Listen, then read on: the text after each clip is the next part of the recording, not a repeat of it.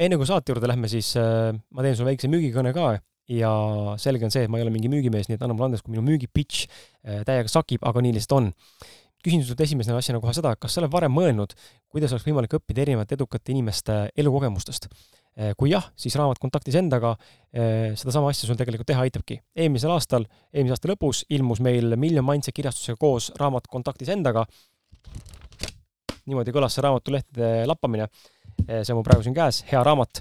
ja see raamat eh, sisaldab siis neljakümne kuue erilise inimese lugu, mis aitavad sinul saavutada eneseteadlikkust, õppida end paremini tundma, saada vabaks oma piiravatest uskumustest ning elada seejuures kergemat elu, mis tegelikult ongi meie, meie kõigi eesmärk, vähemalt minu oma.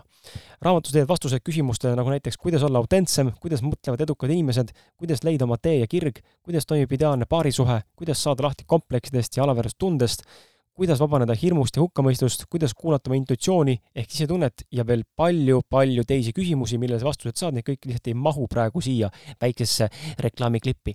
ja lisaks nendele küsimustele või nendele vastustele, mis sa saad nendele küsimustele, lisaks sellele kõigile muule, saad sa veel teada raamatust siis neljakümne kuue erineva eh, podcasti ausad mehed külalise nõuandeid, taipamisi ja soovitusi, kuidas saavutada endaga paremat kontakti, samuti kolmkümmend spetsiaalset raamatu jaoks kirjutatud väärtust andvat täiendavat lühilugu, samuti ausad mehed podcasti kirjaliku saadete kokkuvõtted, mis on koostatud minu enda poolt tegelikult ja ma olen välja noppinud isiklikult kõik need head mõtted nendest kõikidest mõtetest ühe saate kohta, nii et kui sa neid saateid kuulad, siis ma olen üsna kindel ja veendunud, et need mõtted sulle ka meeldivad, mis raamatusse pandud on.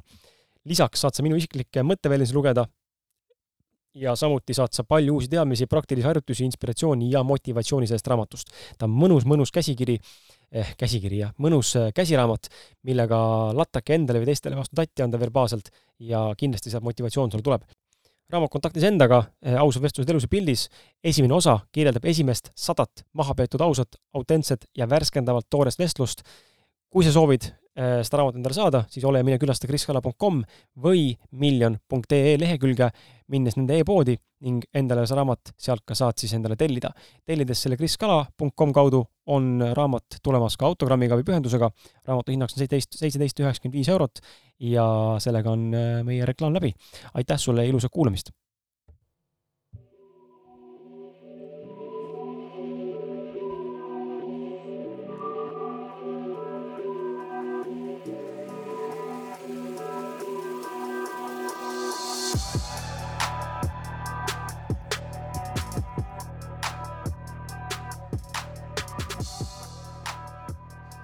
Ja ha-ha-ha-haa, halloo, Kris siinpool, tervist, tuled rõõmus kuulama ausalt mehe podcasti. ja täna on uus saade uue külalisega, uued mõtted, uued kogemused, uued taipamised, uued äh, läbielamised, põlemised, õnnestumised, ebaõnnestumised, mis iganes veel. tervitan sind uute saatesse. juhuslikult, kui sa nägid, siis paar päeva tagasi ma postitasin äh, uue saate, kus ma üksinda äh, pidasin monoloogi ja, ja räuskasin ja karjusin sinu peale jälle, siis äh, seal ma Facebooki postituses ütlesin pool naljaga välja et äh, mitte ük-, ma teen üksinda saadet sellepärast, et mitte keegi ei ole nõus mu saatesse tulema, siis äh, ja igaks juhuks mainin, et see oli nali, on ju, sest mõni pani sinna, ma nägin äh, need hämmingus äh, Facebooki emotsid, et oleks nagu šokis, et äh, tegelikult ikkagi inimesed tulevad ja järjekorrad on väga suured, et terve jaanuar on täis book itud äh,, jaanuaris siis on, täna meil üheteistkümnes ja kaheteistkümnes jaanuar, kaheteistkümnendast jaanuarist kuni kahekümne üheksanda jaanuarini on siis mul salvestada neliteist saadet äh, külalistega, nii et äh, salvestame ette ja ja tegelikult järjekord on veel kuskil viiskümmend, kuuskümmend nime, nii et äh, ma ei tea, mismoodi need ära salvestatakse, aga ilmselgelt kõik ei jõua sellesse aastasse. ja egas midagi, ähm, homme, homme, äh, vale on öelda homme, sest sina kuulad seda episoodi reedel, mis on siis minevik, ehk siis kolmapäeval, kolmeteistkümnendal jaanuaril, äh, ole hea, mine vaata, bränd nimega Sina, naiste siis Facebooki, see on raamat, mille Oles ja ja Evelin on kirjutanud, et äh, ma käisin seal rääkimas brändist ja, ja brändi ehitamisest ja kasvatamisest ja sellisest teekonnast, et äh, ma ei tea, võib-olla oli midagi head kuulata, võib-olla mitte, ma ei tea, sest et mul homme on tegelikult alles salvestus, aga kuna sa kuulad seda eh, nii-öelda tulevikust, minevikust, siis see on juba tehtud ja ma ei tea, kuidas läks, aga mine kuula, kui huvi on. ja ühtlasi naised on tulemas ka saatesse, kakskümmend üheksa jaanuar, kui ma õigesti mäletan, on meil salvestamine, nii et veebruaris kuskil saab neid kuulata siis bränd nimega Sina raamatu eh, autoreid ja räägime siis brändi loomisest. ja äh, enne kui lähme saate sissejuhatuse juurde, siis äh, väikese reklaami siia ka tänase külalise äh, ärile. ma olen seda varem siin korduvalt teinud ja, ja ma ei väsi seda tegemast, sest minu meelest on äh, välja tuldud geniaalse, geniaalse kohviku ja söögikohaga ja, ja sellest, miks ta nii geniaalne on, selle juurde jõuame täna ka täpsemalt, aga ähm, tänase saate külaline, nagu sa nime juba lugesid ja võib-olla tead, on siis Kohvik Popp omanik millest äh, oleme saates viimasel ajal päris palju rääkinud. Äh, kui soovid saada kvaliteetset toitainerikast ja läbimõeldud toitu, olles taimetoitlane või segatoitlane, siis külasta seda söögikohta. täna küll otseselt füüsiliselt külastada, selles mõttes kohapeal süües ei saa, aga Wolt ja Bolt on mõlemad olemas ja saab tellida ja ma loodan, et need piirangud siin kaovad ära ja saate minna kohale ka, et minu meelest on hästi mõnus, odus Äh, väike hubane niisugune koht ja iga, igaühe, kelle ma olen toonud sinna siis usu või Rõusu-Tiia, aga kõik ütlevad, et mm, siin on kuidagi nii mõnus vibe. nii et äh, seal on midagi teistsugust, on hästi, minu meelest hästi minimalistlik, hästi puhas äh,. puhas just nagu clean, inglise keeles siis sõna nagu puhas, mitte puht, puht, mitte et mustus oleks, aga puht, puhtus oleks, aga puhas just kuidagi stiili mõttes nii et äh, mine külastada võimalik on, üks neist asub siis Komeedi viis äh,, on Kristiine lähedal Uusmaailmas äh, ja teine on siis Seljaku neli ehk Laagris Hortise keskuses ja ühtlasi sulle hea uudis on ka see, et miks sinna minna, lisaks sellele, et head toitu saad, sa saad äh, tänu sellele, et sa seda podcast'i kuulad, siin mitte ainult seda, vaid üldse ausalt meie podcast'i kuulaja, saad siis pisut äh, odavamalt nii-öelda siis äh, kõhu täis, kui ütleb kassas teenindajatele, vahet pole, kummas siis söögikohas, nagu ma aru saan, sõna ausad, siis saad priske miinus kümneka soodustuse protsendi siis alla, mitte siis euro, vaid miinus kümme protsenti aga lähme sissejuhatuse juurde, reklaam on tehtud, mulle kunagi keegi ütles, et ma müüa eriti ei oska, nii et mõttetu müüa, aga, aga selline ma olen, niisugune toorelt teen ja ei olegi mingit müügi pitch'i, aga on nii, nagu on. Lähme sissejuhatuse juurde, täna on meil siis külas Tiia, kes on sündinud Tartus, aga elanud enamus oma elust Tallinnas. Tiia hakkas juba kolmeteistaastaselt oma elu mõtestama ja huvitus tugevalt psühholoogiast. lapsepõlves ja teismelisena proovis Tiia endalt mitmel korral isegi elu võtta, sellest me täna ka saates mingil määral räägime. olles vaid kuueteistaastane, sai Tiia oma esimese lapse oma karjääri, äh, oma karjääri alustas ta lisaks teenindajana ka vabatahtlikuna, töötades siis usaldustelefoni liinis äh, või telefonis Eluliin, millele järgnes rakenduspsühholoogia õppimine ja lisaks sellele on siis äh, Tiia õppinud ka toitumisnõustajaks. ja see on see pool, mis siis teeb selle kohviku väga eriliseks. Selgeks on ta saanud ka soome keele ja töötanud mitmes soomekeelses keskkonnas, olnud on Tiia ka Eesti Posti jaekaubandusosakonna juhataja, Euroapteegis retseptiravimite kategooria juht lisaks kõigele muule äh, huvitab äh, Tiiat väga tervisesport ja samuti on ta tegelenud siis äh, jooksmisega päris pikalt. esimese poolmaratoni jooksis ta aasta kaks tuhat kümme ja esimese maratoni kuus aastat hiljem ehk aasta kaks tuhat kuusteist. Tiial on ka väike ilus mõnus pere, kolm last, kelle seas on kuueaastane poiss, üheteistaastane tütar ja üheksateistaastane poiss ning mees, kellega ta peaaegu kolmteist aastat on koos olnud, nii et niisuguse väikse sissejuhatusega ma siis ütlen sulle ilusasti tere tulemast saatesse lõpuks, Tiia! tere, Kris! Äh, vahva, vahva, et sa aega leidsid, et äh, sinu äh, tegemiste ja, ja elustiili ja kõige kõrvalt on, on tegelikult näha olnud, et peaaegu et võimatu on sind siia saada. noh, mitte peaaegu võimatu, siin sa oled, on ju, aga väga raske, et kuidas sa ise näed täna niimoodi toorelt küsides, et mis on see põhjus, miks on sind siia raske olnud saada ja või, või sa näed seda ka mitte ainult minu puhul, vaid üleüldse mingite tegevuste juures, et on raske mingeid asju enda päevakavasse sobituda ja mis põhjusel? ei, asi on lihtsalt planeerimises, tegelikult on äh, kõik äh, prioriteetide küsimus. et äh, kõik olulised asjad ju saavad tehtud. et ega ma täna mõtlesin, kui me panime seda aega kirja, siis siis ma ise mõtlesin, et mul on puhta puhkus, et nagunii keegi kohvikus käia ei saa ja ise istun kodus, töötajad on kõik graafikus ilusti ja tegelikkus on see, et ma olen ise iga päev ka tööl, sellepärast et tööd on nii palju ja me oleme väga rõõmsad selle üle. ja oleme ausad, mulle tundub sind vaadates, et sul tegelikult, äh, sul ei ole see, et sa oled omaniku või juhina see, kes läheb sinna selle tundega, et ah oh, fuck, ma pean tulema teile appi, et ei saa hakkama, vaid sa lähed meeleldi ja aitad. jaa, kindlasti. ja mulle meeldib see, et tegelikult töötajad ütlevad mulle aitäh selle eest, kui ma lähen neid aitama mm -hmm. nii-öelda, et äh, mida ma tegelikult neilt ju ei oota. see on ju minu töö, see on minu kohvik ja tegelikult ma arvan, et töötajad ei oota ka sinult, et sa neid otseselt panustaksid sellisel moel sinna klienditeenindusse või siis nii-öelda köögi poole peale. no võib-olla tõesti, kuigi, kuigi ma olen nagu algusest peale seal niimoodi nendega koos olnud mm. -hmm aga no üldiselt ma arvan, et töötajad ei eelda, et juht nendega koos seal käed mustaks paneb ja, või teeb ja nii-öelda kaasa lööb, et tavaliselt ikkagi tavaliselt klassikaliselt, loomulikult tänane maailm on natuke muutumas, siin startup'id on väga suure eeskuju nagu loonud mingil määral ja, ja on ka teisi üksikuid juhte, kes niimoodi teevad, aga selline vana harjumuspärane ju maailm on see, et et äh, juht näitab näpuga ja teeb nipsu ja, ja istub äh, jalad laua peal ja tegelikult äh, suurt mitte sittagi isegi tegelikult ei tee. ja siis laseb ära teha, on ju. mina selline juht ei ole mitte kunagi olnud. et pigem käitu minu tegude järgi, mitte minu sõnade järgi. et, et ole ise eeskuju. see on alati olnud minu, minu moto juhina. minu arust on see väga äge, et sinus on see, see pool olemas, et kuulates tekib kohe tahtmine öelda, et kurat, tuleks ise tööle sulle sinna, et nii äge inimene, kellega saaks igapäevaselt koos olla, et et jaa, väga äge, et igal juhul hea on, hea on kuulda seda aga lähme siis äh, etappi pidi sinna esimesse äh, suuremasse arenguetappi, mis mind tegelikult äh, hämmastab alati, kui inimesed räägivad, kui, kui nad saavad noored lapse, sa olid kuusteist, kui sa esimese lapse said.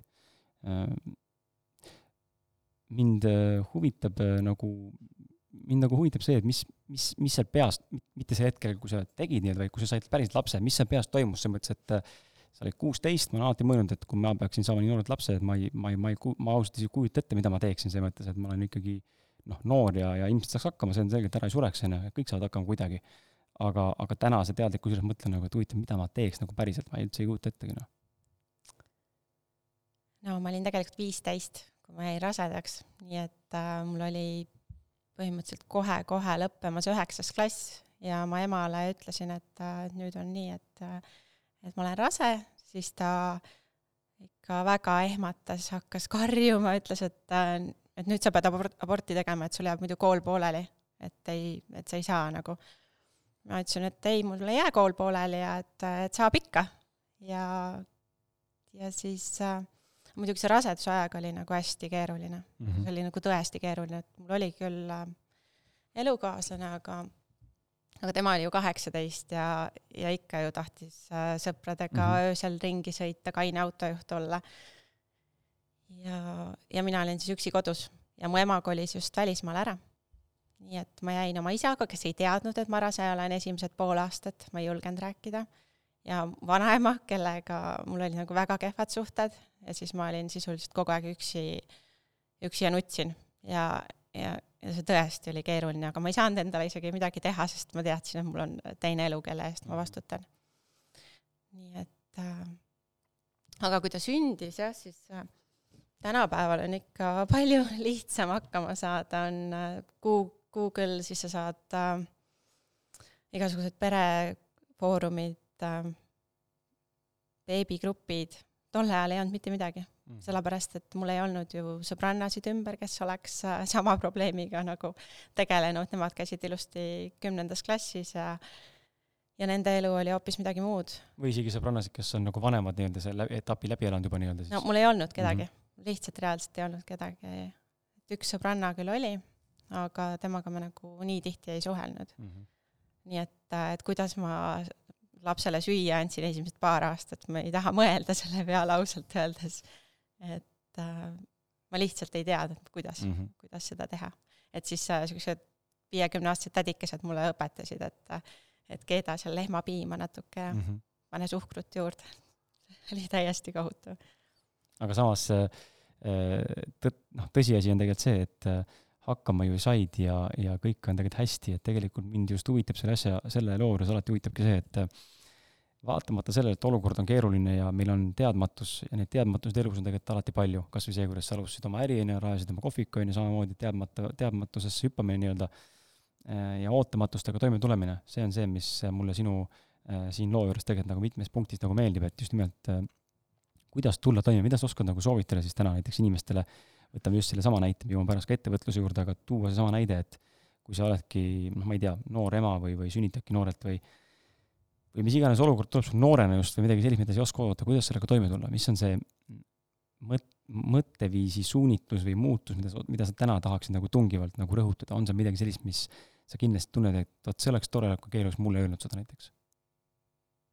ja see ei pea olema ainult laste kasvatamise juures või nagu nii-öelda noorelt siis emaks saamise juures, vaid üleüldse. no ma arvan, selline teadmine, et tegelikult ju mis juhtuda saab, et, et annad oma parima ja, ja kuidagi ikka saab mm. -hmm. et äh, peab ju toime tulema. aga kuidas sul äh, isa lõpuks äh, sellele siis nagu reageeris, et kuidas ta sellest nagu teada sai, et ühel hetkel siis oli kõht ees ja siis enam-vähem, ma täpselt ei mäleta, vist äkki ema ikkagi ütles talle mingi hetk, aga ei, ta pärast ikka aitas mul last vannitada näiteks, et alguses ma elasin nagu seal veel mm. -hmm. ja, jaa see laabus, aga ta häbenes hästi tükk aega oma sugulaste ees näiteks mm, -hmm. ta ei rääkinud, et ma lapse sain. oma isa ees häbenes. selline auasi. ta oli ka noor siis või? kui noor, kolmkümmend, nelikümmend? sel hetkel? ta oli jah, kakskümmend viis, kui mina sündisin, mis ta siis oli, nelikümmend. jah, jah, ja mu ema oli kolmkümmend seitse, kui ta mhm. sai vanaemaks, et päris noor päris noor jah võib lahe. ehmatada küll. päris lahe tegelikult samas, et ja. Äh, see on nagu kihvt minu meelest. see on, see on minu meelest küll kihvt, et, et kui tänases, just tänases ühiskonnas nagu rohkem tundub olevat seda, vanasti oldigi noh, koos vaata ühe partneriga rohkem ja pikemalt ja, ja terve elu ja ja, ja üldse oligi kuidagi see generatsioonide hüppe vahe oli nagu palju suurem, on ju, täna ma näen, et mul enda laps on kahene ja, ja ta üks, üks onudest siis äh, või noh, mõlemad, lapse mõlemad onud on äh, üheksa ja kolmteist vist või? noh, pane mõtlema nagu, et mis asja, et kuidas see võimalik, et onu on tegelikult viis või kuus aastat vanem, on ju, seitse aastat vanem ainult. et see on nagu asi, mida vanasti minu arust absoluutselt ei olnud. või noh, väga harva oli niisugust asja, et kellelgi on nagu mingi onu mingi paar aastat vanem või mingi neli või kümme aastat vanem. no minu vend sai ka kümneaastaselt onuks. korralik päris lahe, tegelikult on lahe minu meelest um,. okei okay,, aga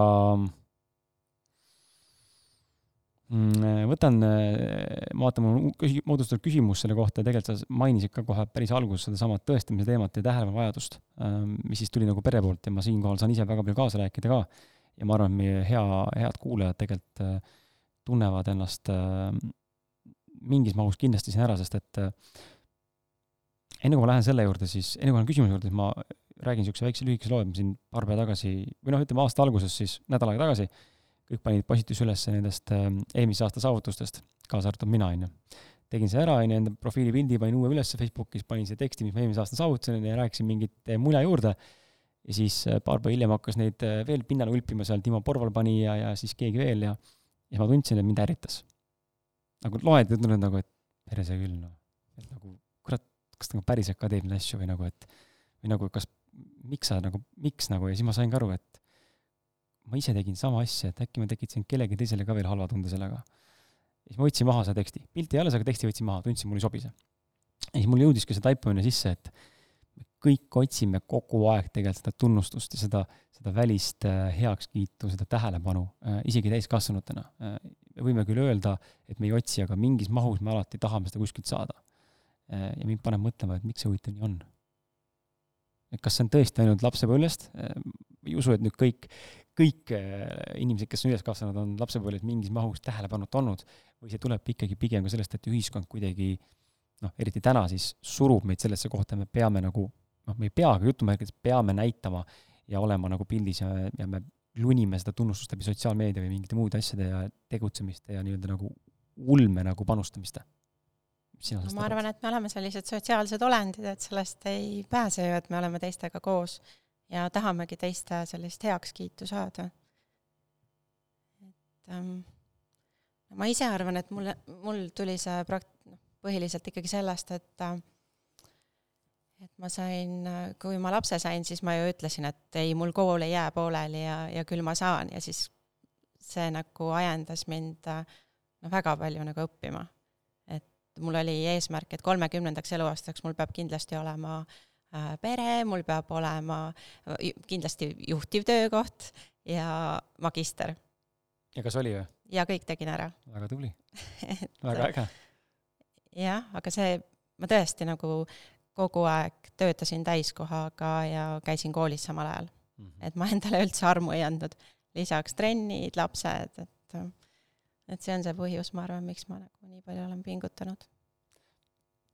päris korralik andmine tegelikult ja ja ma, ma arvan, et sa, Tiia, oled minuga nõus, et see tunnustusvajadus või, või see tõestamine nii-öelda, see tõestamise soov, et see on, see on nagu selline kahe, kahe teraga mõõk, et ühtepidi see võib olla väga haavatav ja mängida meile väga valusalt kätte, kui me hakkame seda pidevalt tõestama, lõpuks kaotame ennast ja teeme kõiki asju ainult teiste pärast, on ju. aga teistpidi see, ma näinud iseenda elus olen ka äh, veel rohkem kui seda esimest poolt, siis on see, et äh, see on teinekord väga hea motivaator ja inspiraator või inspi-, inspiratsioon tähendab, et tegemaks midagi Äh, päriselt ära, meil on nagu nii suur see tõestamis, niisugune pool viha või pool selline niisugune trotslik äh, tõestamisvajadus, et ma tulen näitan raisk kas või hambad ristis on ju, kas läbi laua, aga ma teen selle ära. Äh, minu meelest see võib teinekord olla väga hea, selles mõttes drive. jaa, see kindlasti viib edasi. ja mul on teine asi, mis viib edasi, on alati selline rahulolematus. et kui mulle ikka midagi ei meeldi, siis ma muudan. et mul on selline ma tunnen, et mul on valik mm -hmm. teha kõike äh, oma eluga, nii nagu ma tahan. et ma ei pea kannatama kuskil äh, halvas töökohas. et, ma saan ise muuta. oskad sa äkki tuua mingeid näiteid, kus sa oled tõesti rakendanud seda, et sul on rahulolematus ja siis mis on see praktiline asi, mis sa kohe teed ja mis toob nagu tulemust, sest et täna on näha, et inimesed on, kaasa arvatud ise vahepeal jään nagu kinni sellesse, et olen nagu rahulolematu ja siis ketrad vaata seda situatsiooni lihtsalt oma peas, aga midagi ette otseselt ei võta või ei oska võtta. aga reaalselt äkki mingit niisugust nagu, oskad niisugust nagu kulla, kullakangi visata praegu siia, mis oleks selline praktiline viis või, või mingi samm, kuidas nagu päriselt seda olukorda nagu lahendada? no minu puhul ma arvan, ilmestabki kõige rohkem see töökohtade vahetamine. et äh, kui ma olen käinud näiteks töövestlustel, siis on küsitud, et miks sa oled nagu ainult aasta olnud näiteks mingitest amet, mingitel ametikohtadel, siis, äh, siis tegelikult no näiteks, mis äh, väärtust annab see, kui ma olen kümme aastat sekretär ühes kohas. Et ma pigem olen töötanud, ma ei tea, viieteistkümnes kohas vist enam-vähem, erinevates valdkondades, siis äh, see annab ju palju rohkem sellist äh, ma ei tea, arusaama ja maailmavaadet. et, et see on kindlasti, ma arvan, väärtuslikum. ja ma vist päris küsimusele ei vastanud. juba läks mõte. aga, aga siis ähm, paneb siis mõtlema see, et noh, tulles korra selle töövestluste juurde, et noh, täna, täna on see maailm nagu muutunud, selles mõttes on see lihtsam ja parem ja ja mõnusam, ma arvan, kõigile inimesed saavad aru, et inimesed ei suudagi või ei tahagi, eriti meie noorem generatsioon, ei tahagi olla nagu aastakümneid ühe positsiooni peal, see on, see on nii-öelda meie vanemate perioodi või aja, ajaga nii-öelda nagu teema. aga samal ajal minu meelest on sina hea näide selle koha pealt, et just nimelt seesama võrd-, noh, seesama lause, mis sa ütlesid ka praegu just, et et miks nagu olla kümme aastat ühe, ühe valdkonna juures, kui ma saan nii-öelda selle kümne aasta jooksul võib-olla kompida viiteist erinevat valdkonda ja tegelikult saada sealt nii-öelda kogemust, on ju, et sa mingil määral on see laiem silmaring palju nagu mõnusam ja teinekord ka kasulikum kui see, et sa oled ühes valdkonnas spetsialist. jaa, ja teine asi on see, et äh, siis sa leiad selle sinu asja. et miks ma pean tegema mingit tööd, mis mulle tegelikult ei meeldi, sellepärast ma olen proovinud erinevaid äh, asju. et just leida see, mis tegelikult mind nagu drive ib mm. -hmm. Aga tulles selle näite juurde, siis kas äh, oskad sa niimoodi prompt mingisuguse veel mingi mõne näite tuua, et inimene saaks nagu veel rohkem aru, kuidas nagu päriselt äh, execute ida ehk tegutseda, kui sa oled rahulolematu? no ma ei tea, ma olen selline, et ma lihtsalt kohe hakkan tegutsema sellest äh, no näiteks kas või kaalu langetamise teema mm, -hmm. et äh, enamus inimesed, nii hakkan nüüd äh, esimesest jaanuarist või hakkan esmaspäevast. mul ei ole sellist asja, mul on see, et äh, ahah, probleem, kohe tegutsen. et see on praktiliselt kõigega nii. et äh, näed, et on probleem, siis on vaja leida lahendus. mitte siis jääda sinna kannatama. See on väga huvitav, see on huvitav kuulata, sest et mina olen jällegi see vend, kes paneb ka mingit kindlat tähtaega või mingit kindlat päevasid, kus ma tahan alustada, nagu see on mingi niisugune loll nagu vabanduse otsimine ja teistpidi selline mingisugune psühholoogiline vajadus, et mul peab hakkama see nagu mingist kindlast ajast ise nagu umbes lihtsam mõõta või nagu lihtsam arvestada, et kuidagi viin ennast lainele ja tegelikult on näha, et tegelikult see on puhtalt viivitus ja tegelikult laiskus või nagu niisugune nagu suutmatus kätte võtta. aga kas see siis kuklasse nagu ei jää taguma, et ahah, et mul on nüüd see esmaspäev, nüüd alustan? jääb, jääb, see on isegi veits vastikum, kui võib-olla kohe alustada. pigem nagu alustad ju kohe ja hakkad pihta sest et jaa, selles mõttes on õigus, et kui kohe pihta hakata ja ja tegelikult ongi niimoodi olnud näha ka, et ma olen siin suhelnud enda elukaaslasega palju ja, ja veel inimestega, kes on introverdid või sellised hästi vaiksed ja midagi nagu teha võib-olla ei julge või ei oska, siis ka nemad ütlevad sama asja, et kui sa reaalselt selle esimese sammu ära nagu teed, siis juba oledki sa nagu soonel, et niikaua kui sa praed, siis see ongi nagu vastik ja raske ja sa ei tea, mis teha, aga lihtsalt hakka nagu kuskilt peale ja, ja hakkad vaikselt minema, et see teekond rullib iseenesest lahti. jah muidu ma pean ennast hästi empaatiliseks inimeseks ja ma saan inimestest aru ja oskan nagu nende kingadesse astuda. siin ei saa. aga, aga mõnes mõttes mul on tõesti nagu raske aru saada inimestest, kes ütlevad, et nad ei saa töökohta vahetada, nad ei saa, ma ei tea, halvast suhtest lahkuda, siis äh,, siis tegelikult alati saab. et äh, sa kas valid selle kannatuse või siis sa valid midagi muud mm. -hmm et see on tegelikult sinu enda valik. eks inimestel on hirmud ja, ja jumal teab, mis seal veel olla võib neil tagataustal. minu kõige lemmikum küsimus on, mis on kõige hullem, mis saab juhtuda mm? -hmm. ja ma alati küsin enda käest, et tavaliselt on ju vastus, et no sa ei sure ju ära mm. -hmm. midagi hullu ei saa juhtuda. kõigest on võimalik läbi tulla. Huvitav, kas sa mõelnud äh, selle küsimuse juures, mis on see kõige hullem, mida inimesed kardavad, nagu mis on see kõige hullem, mis võiks juhtuda, mis on see, mida inimesed tegelikult kardavad, aga mis, mitte, mitte kunagi ei juhtu? ma arvan, et see on teiste inimestega seotud. ikka, mis teised arvavad, mis teised minust arvavad. täitsa võimalik, jah.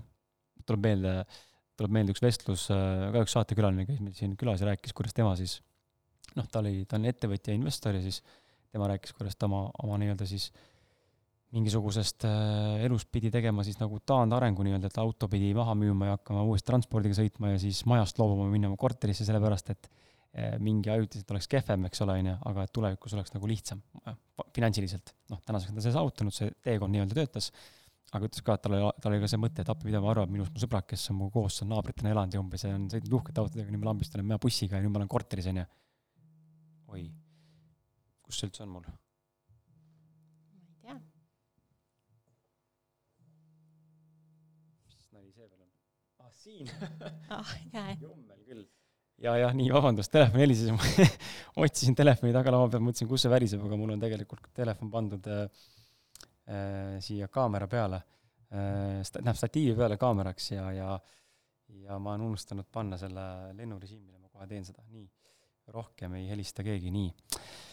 jaa, vot, et see hirm jah, ja see, see hirm, mida teised arvavad meist, see on see kõige halvam tavaliselt. Kuidas sul endal täna sellega on, kas äh, pigem on, pigem ei ole või, või sõltub valdkonnast või olukorrast või pigem ikka ei ole mm? -hmm. et tänaseks ma olen ikkagi äh, nii palju erinevaid asju läbi teinud, et äh, et seda enam ei ole. mida sa oskad soovitada inimestele, kellel see on näiteks väga tugev niimoodi, et noh, ta on täitsa halvatud, ta ei julge midagi teha või öelda, sest äkki, äkki mu, ma ei tea, sõber või sõbranna või kolleeg ikka arvab must halvasti. aga kuidas see sulle tegelikult nagu haiget teeb ja, ja ma, ma arvan, et enamus inimesed mõtlevad eelkõige iseenda peale. et kuidas nemad teistele paistavad ja nad liiga palju teistest inimesed, inimestest nagu ei mõtlegi.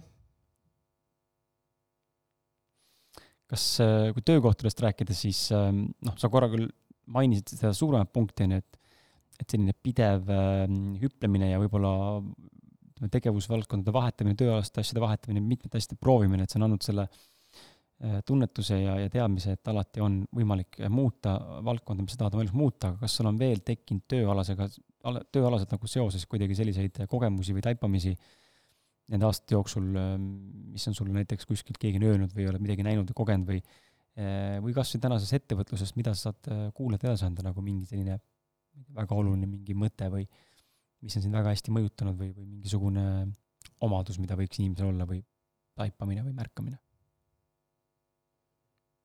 no ma arvan, et äh, või mingi et väärtus? suhted, suhted on näiteks kindlasti mm -hmm. olulised, äh, et tööl ikkagi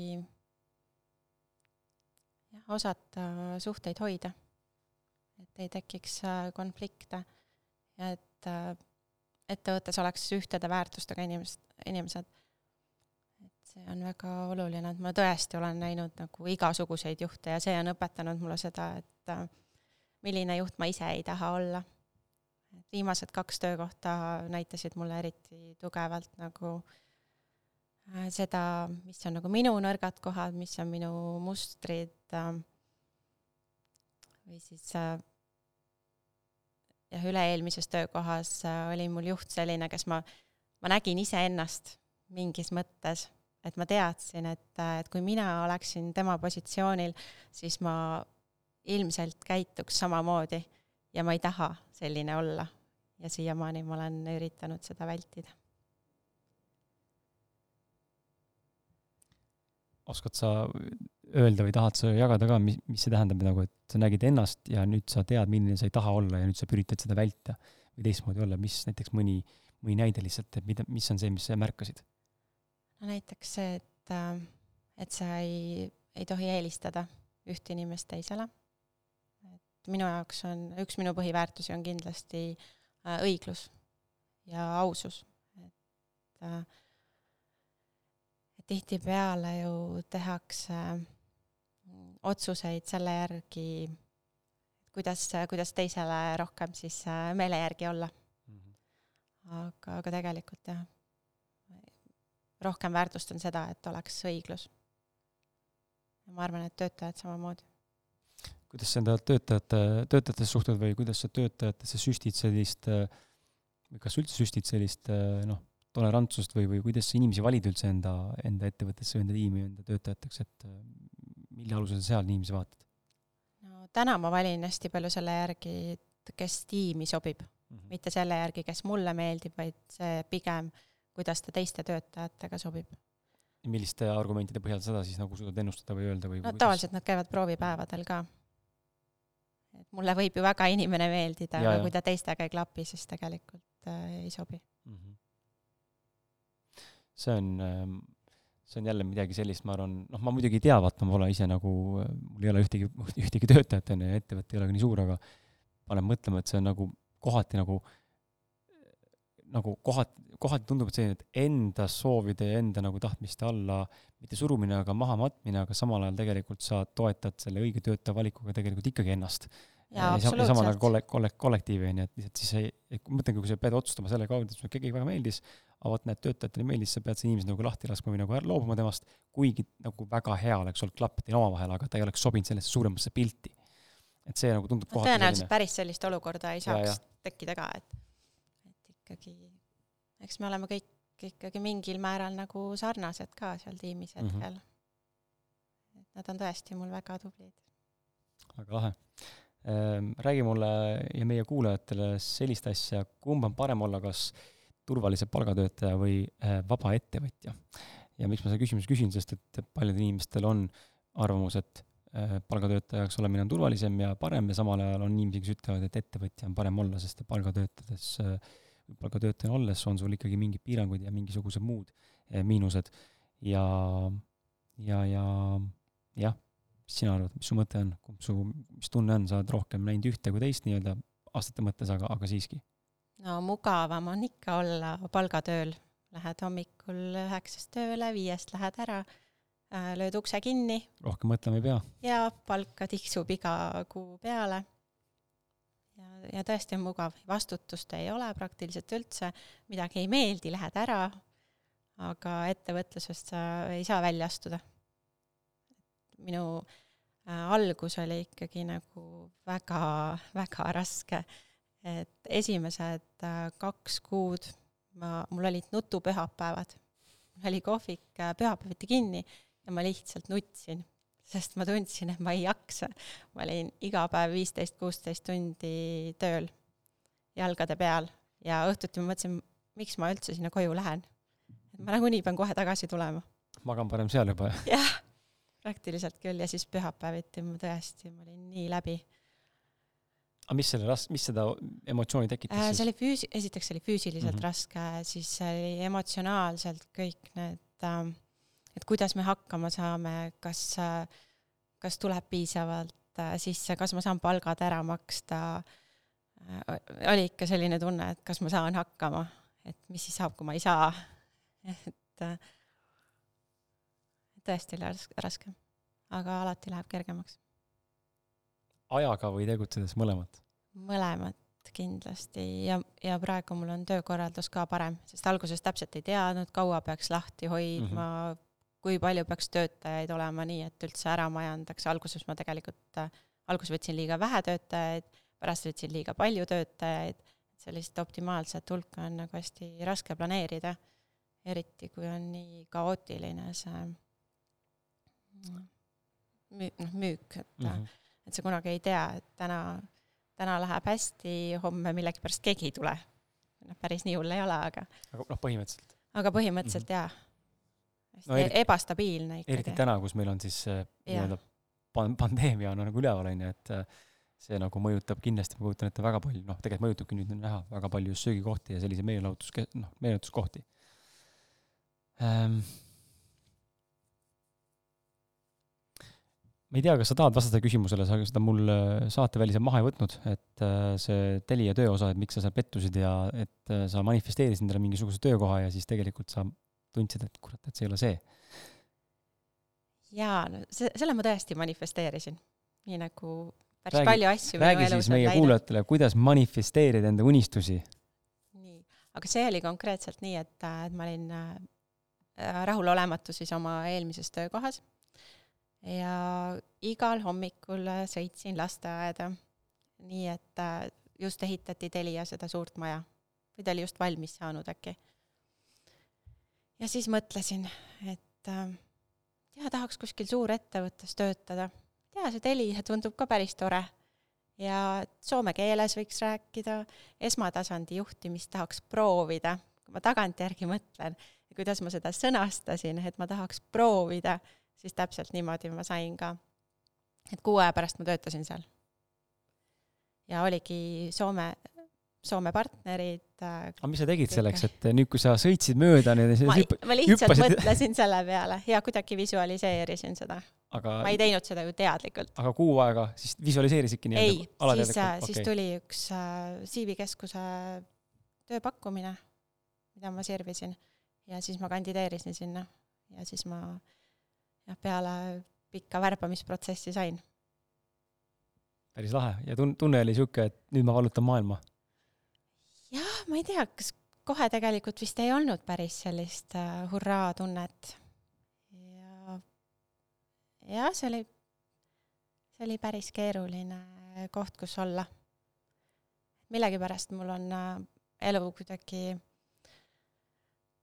äh, seadnud mulle sellised äh, suuremad väljakutsed, et ma ei ole saanud minna ühelegi töökohale nii, et ma, ma ei tea, esiteks ma saaks kuidagi sinna lihtsalt, teiseks see, et et seal on alati mingi keerulised ajad ees, et kas on mingi, mingid koondamised või on mingid keerulised suhted, et lihtsalt näen, et need tegelikult on nii vajalikud õppetunnid mulle olnud mm. -hmm.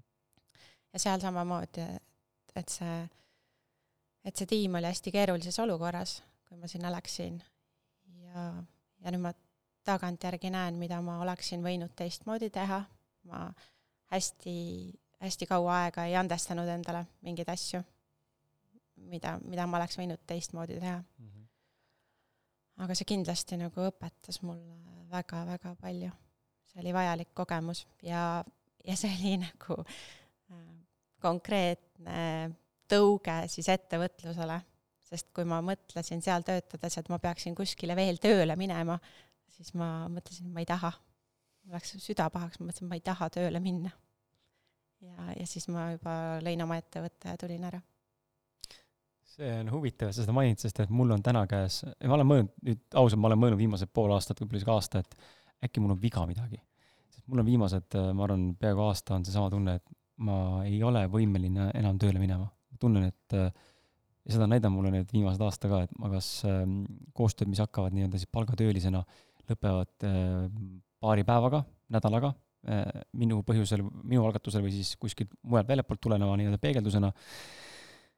Ähm, ja ma tunnen, et ma ei suuda enam minna tööle, aga, aga samal ajal sisse veel täna enda asjadega raha niimoodi ei tule siis ongi selline olukord, kus mõtled, et aga äkki ikka peaks, aga samas sees on nii tugev tunne, et ei, sa ei pea minema enam. aga ma ei tea, mis teha tuleb. ehk siis, et teadmatus on ees ja niisugune usaldamatus ja niisugune hirm on natuke sees, aga samas on teadmine, et ma ei peagi minema ja see on huvitav, et sa mainid seda, et sul oli ka see tunne sees, et et süda, just nimelt süda läheb nii pahaks, ma mõtlen selle peale. ja, ja ma ei tea, kas see on hea või halb, võib-olla mõni inimene kuulab, mõtleb, et issand, millest te räägite, nii tore on tööl käia, siis on palju õnne, see on väga tore minu meelest, kui niimoodi õnnestub sellisel juhul ja see ei ole üldse halb. ma täna, ma arvan, me kumbki siin Tiiaga ei räägi sellest kontekstis, sellises terminis, et tööl käimine oleks halb, kindlasti mitte. aga lihtsalt, et kui sa ise nagu tunned, et see ei sobi sulle ja nüüd see läbi hammustada lõplikult siis on mul, on see küsimus sulle, kuidas nagu seda päriselt nagu teha ja mida nagu teha siis, et okei okay,, tegid ettevõtte, aga nüüd me jõuame järgmise küsimuseni, et et kuidas siis sa tulid selle idee peale, et aa, võiks kohviku teha lambist, et noh, ilmselt ei olnud lambist, aga see tundub praegu veits niisugune, et no et Telias vaata nagu ei sobinud enne ja töö ajas südame pahaks ja enam uuesti minna ei taha kuskile ja teeks kohviku ja siis hakkas tegema ja nüüd oled kohviku omanik, on ju, et kuidas nagu see, see tundub nii sujuv teekond olevat, aga, aga mis nagu, mis protsess tegelikult seal peas toimus? ei, tegelikult äh, päris äh, juhuslik ei olnud, kohviku teema, et äh, algas, ma arvan, see üldse sellest, et kui ma olin, ma arvan, seitse või kaheksa, siis ma juba küpsetasin kaneelisaiakesi kodus. et mulle väga kokandus meeldib. mulle meeldib süüa teha, mulle meeldib küpsetada ja ma olin sellega nagu hästi varakult juba pihta hakanud. Nii et sa ei olnud ainult see laps, kes äh, kodunt äh, ära jooksis ja vanemaid kurvaks ajas, vaid tegid ka kodus süüa, tegid saiu. ja, ja kui ma kolisin kodust ära, siis ma ju pidin oma mehele, tegin süüa, ma mäletan, kui mu sõbrad käisid külas, siis alati, kas sul on midagi enda tehtud? ja siis andsin kotlette või kartuliputru või midagi. mulle on jah meeldinud katsetada. ja kui ma käisin, õigemini läksin ülikooli, siis mul oli selline eriala nagu teenindusjuhtimine ja mul on meeles üks äh, loeng, kus, äh, kus siis see õppejõud äh, rääkis ühest kohvikust, kus alustatakse hommikut nii, et kõik töötajad söövad koos putru. ja mulle tekkis kuidagi selline kujutluspilt aastateks sellest pähe, et ma tahaksin, et mul oleks ka selline kohvik või selline tiim, kellega ma hommikul söön koos putru. et kui ma Minoris käisin, siis ma tegelikult juba teadsin, et ma tahan ettevõtjaks saada ükskord. lihtsalt see julgus tuli palju hiljem. ja, ja umbes samal ajal ma olin, ma arvan, üheksateist, kakskümmend, äh, siis ma käisin Barcelonas üksinda. ja seal oli selline taimetoidu, kiirtoidukett nagu Maoš ja tulin Eestisse tagasi ja mind hakkas huvitama, et, et mis koht see on ja siis tuli välja, et, et see on üks Hollandi frantsiis mm. -hmm. võtsin nendega ühendust ja siis nad saatsid mulle kõik äh, brošüürid, et äh, Mister Toming, noh muidugi ei saa olla naisterahvas, kahekümneaastane on ju, kes selle kirja saadab. et nad kutsusid mind siis äh, kaheks nädalaks koolitusele, et siis pane oma see putka sinna, siia Eestisse püsti aga too hetk ma muidugi lõin põnnama, et äh, ma ei tea ju midagi, ma ei ole koolis käinud ja ma arvan, et äh, Eesti ei olnud veel valmis ka selleks äh, mhm. selliseks taimetoidu asjaks. ja, ja siis juba sealt edasi käisin ju koolis veel kõvasti. siis õppisin toitumisnõustajaks lihtsalt sellepärast, et see tundus nagu huvitav. mitte, et ma nüüd väga oleks tahtnud sellel alal ilmselt tööle minna, natuke proovisin ka. ja kuskil neli aastat tagasi ma tegin oma kodukohvikut niimoodi, et äh, kaks aast-, kaks suve järjest siis, nagu mitu korda suve jooksul. ja, ja siis ma esimest korda tundsin, aga et sellega päriselt saab ju raha teenida mm. -hmm. et ongi nagu võimalik äh, söögi tegemisega raha teenida siis sealt edasi tuli siis juba, juba see otsus nagu alustada ja siis hakkas tegelikult kõik nagu ise jooksma. okei okay. ähm,, seda taimetoidu äh, söögikohta Maos või Mauts või kuidas nimetatakse? ma ei tea ka, kuidas seda hääldatakse. ma mäletan, Hollandis Amsterdamis esimest korda nägime seda, siis äh, ka olime siuksed, et voo, mingid kausid ja värgid, vaata palju värsket ja hummusepallid ja päris kihvt. et äh,, et see on äge, et sa sealt, no noh, mingi sellisest asjast said nagu inspiratsiooni, et aga samal ajal, mis ma tahtsin küsida, on tegelikult see, et kodukohvik, sa olid siis äh,, kuidas see nagu välja nägi või, või olidki nii, et panid sinna naabruskonda üles, et tere, minu majas täna on äh, kohvik või, või? jaa, no meil olid need puhvetipäevad okay., just siis alustasime sellega, et ma olen seal Veskimetsa seltsis.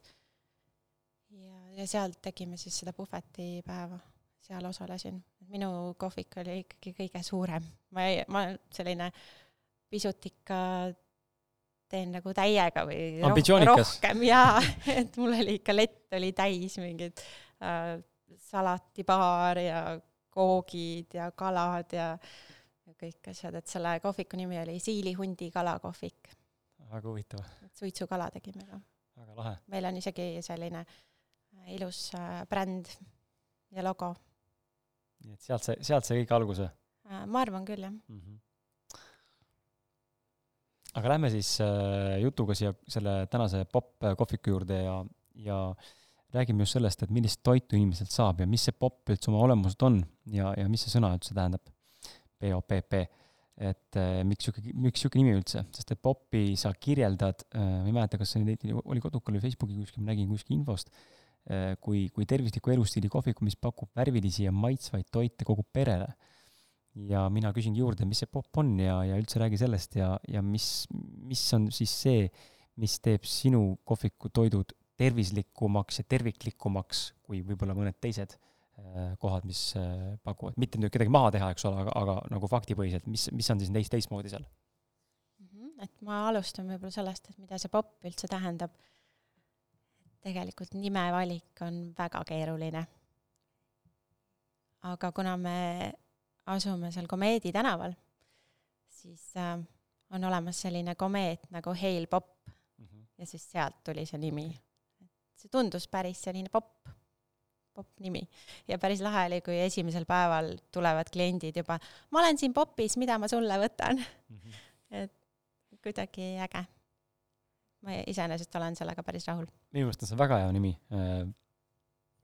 väga catchy on ja, ja tekib ka huvi, et mis see POPP tähendab nagu popp et äh, oleks, oleks võinud ju panna ka popp, lihtsalt popp on nagu populaarne, on ju, aga popp just, et et see on minu arust väga äge, aga aga mis nendest, mis toidud teist, teistsuguseks teeb, mis on sinu toidumenüüs nii unikaalset, et inimestele täna peale läheb? no ma ei saa öelda, et nad on unikaalsed. on, on. no jah, aga no põhiline on see, et äh, me teeme kõik, äh, kõik tooted ise koha peal mm, -hmm. mida teised kausikohad tihtipeale ei tee et kõik hummused, pestod, kalad, kanad, kõik me teeme koha okay. peal ise. Ja, ja just me ei pane sinna ei suhkrut, ei mingeid lisaaineid äh,. kasutame hästi palju erinevaid äh, juurvilju, köögivilju. ja ma ise olen eluaeg mõelnud, mitte päris eluaeg, aga ikkagi väga pikalt oma elus äh, sel-, sellele, et äh, kuidas makrod jaotuvad vaatan mm -hmm. taldriku peale, ma automaatselt näen, ahah, siin on valgud, süsivesikud, rasvad mm,. seda on palju, seda on vähe.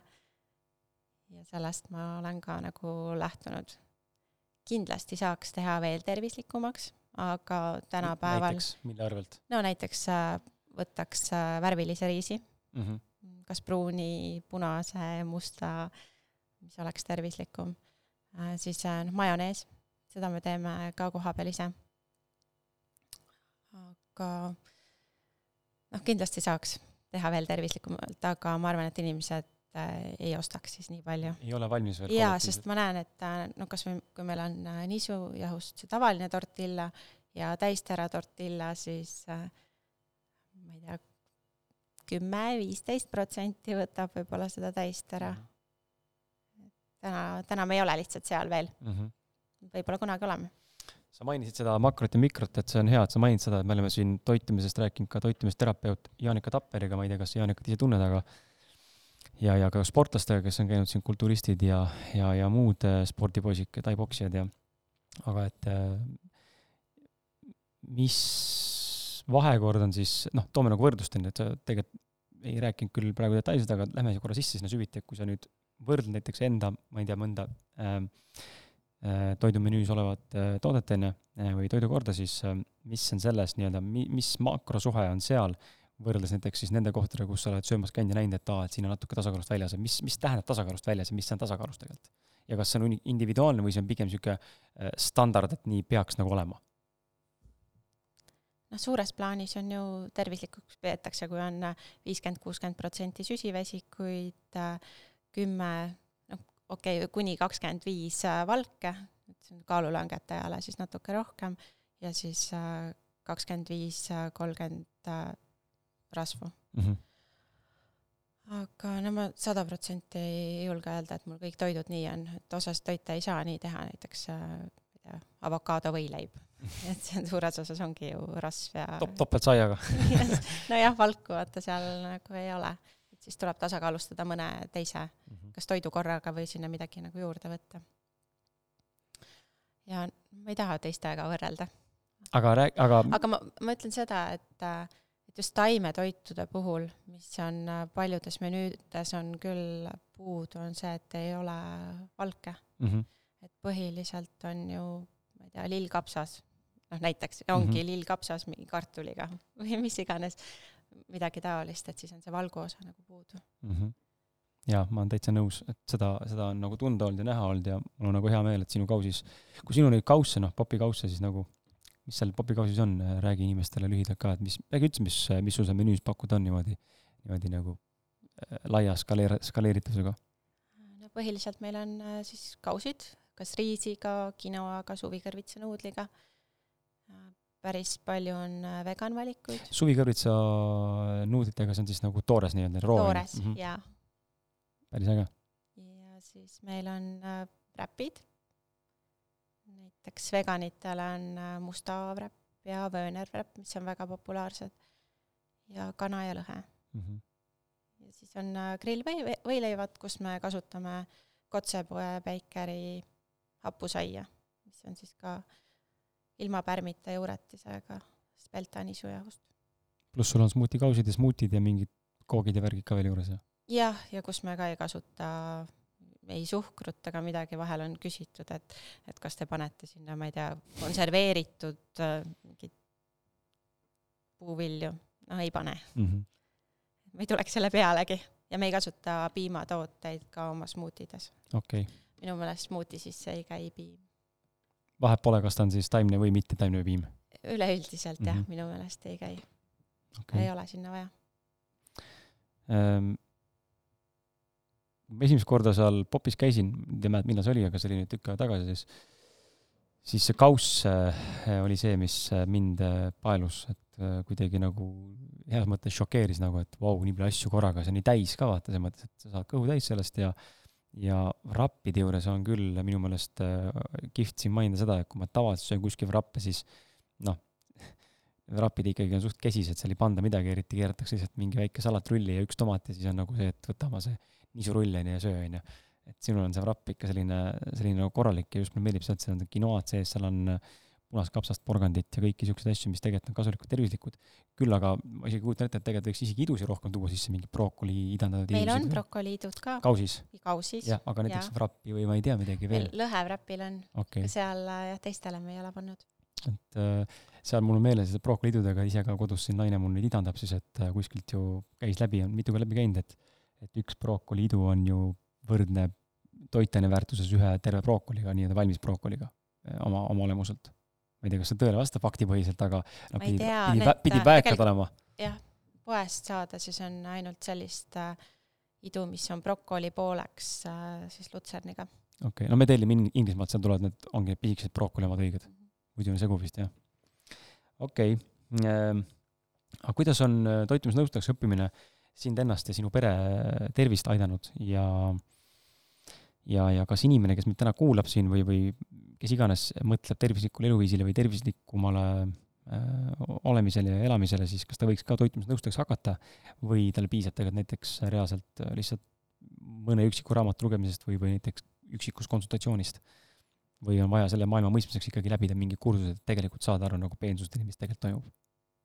no minu elu väga palju tegelikult ei ole see mõjutanud, sest äh, suures plaanis olen ikkagi olnud äh, enne seda ka päris tervislik ja no mul kodus ka ei kasutatud suhkrut, sest vanaema oli diabeetik. juba sellepärast oli see harjumus, et me, me ei pannud kuskile suhkrut.